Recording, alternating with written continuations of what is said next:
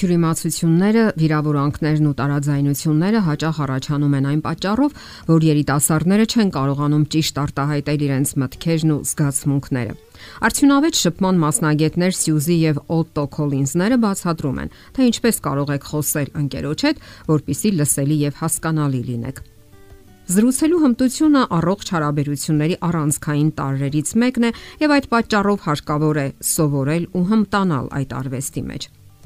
Ինչ է նշանակում շփվել արդյունավետ։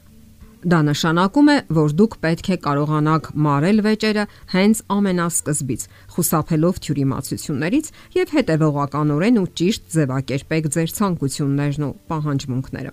Ընկերությունը հաճախ քայքայվում ու դադարում է գործելուց, որովհետև կողմերը չեն ասում միմյանց այն, ինչ մտածում են եւ ինչ զգում են, եւ թյուրըմբռնողության պատճառով մարդկանց հոգիներում դատարկություն է առաջանում։ Կարելի է հազարավոր պատճառաբանություններ գտնել, թե ինչու չի ստացվում ազնվորեն ու անկեղծորեն զրուցել դիմացինի հետ։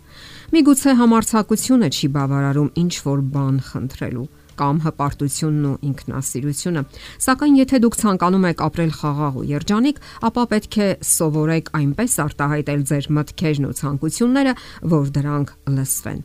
Երբ չի հաջողվում ընդհանուր լեզու գտնել, Սիրահարները ոչ միայն հեռանում են միմյանցից, այլև իրենց հոգիներում բարկություն ու հիասթափություն է կուտակվում։ Սակայն եթե դուք ցանկանում եք ապրել խաղաղ ու երջանիկ, ապա պետք է սովորեք այնպես արտահայտել ձեր մտքերն ու ցանկությունները, որ դրանք լսվեն։ Երբ չի հաջողվում ընդհանուր լեզու գտնել, սիրահարները ոչ միայն հեռանում են միմյանցից, այլև իրենց հոգիներում բարկություն եւ հիասթափություն է կուտակվում, եթե անգամ չեն ցանկանում խոստովանել դա։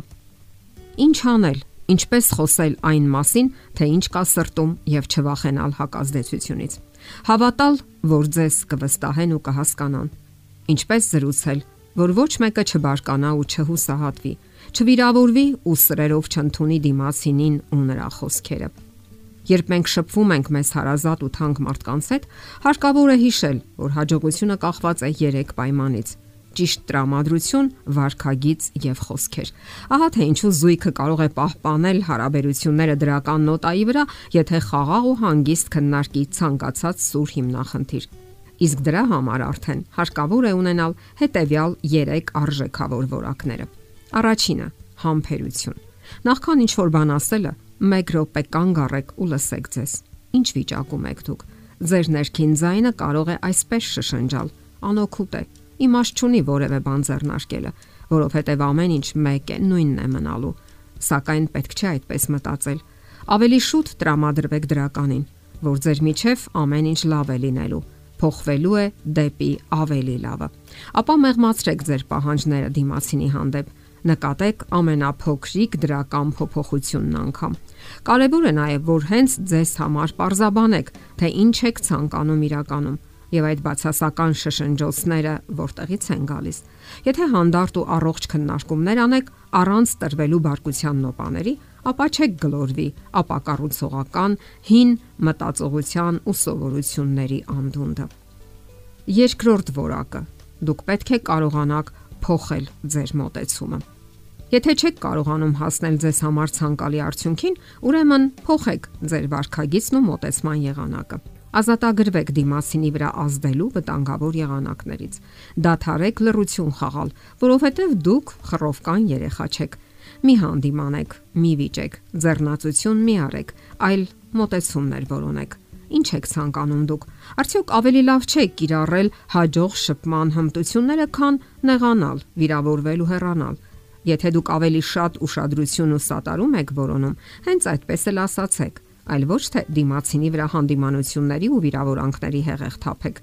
Գրագետ մտածումը կօգնի շատ բան փոխել հարաբերություններում եւ հասնել գեղեցիկ հարաբերությունների ու համաձայնության։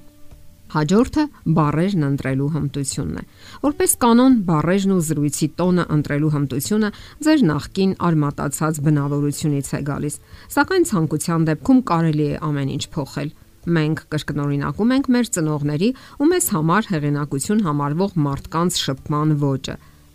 Սակայն շատ քիչ ենք մտածում այն մասին, թե ինչպես կարող են դրանք վիրավորել դիմացինին, որ մեզ համար սովորական խոսքերը կարող են այլ կերպ ընկալվել դիմացինի կողմից։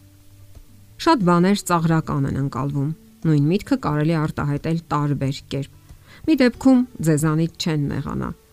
Իսկ ահա նույն միտքը կարելի է ձևակերպել այնպես, որ դիմացինը սխալ նոտաներ նկատի, նաև իր հասցեին անբարյացակամ վերաբերմունք զգա։ Զրուցեք թեթև ու անբռնազբոս, առանց ավելորդ լարվածության ու կաշկանդվածության։ Եթե նույնիսկ չեք համարցակվում ասել այն, ինչ զգում եք կամ մտածում, ապա պետք չէ չարանալ։ Մի ասեք այն, ինչի համար հետո պետք է զղջակ կամ ափսոսակ։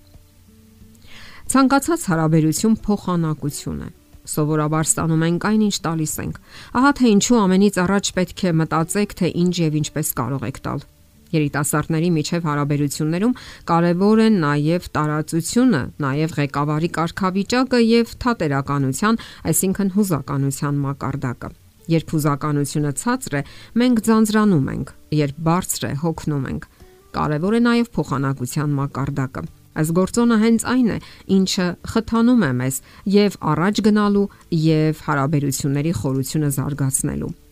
Հասկանանք մի པարզ ճշմարտություն, որքան տալիս ենք, այնքան էլ ստանում ենք։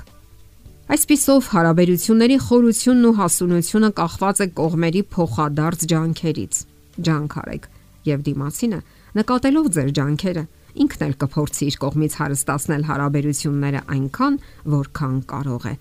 շփման արվեստ։ Փորձեք սովորել այն։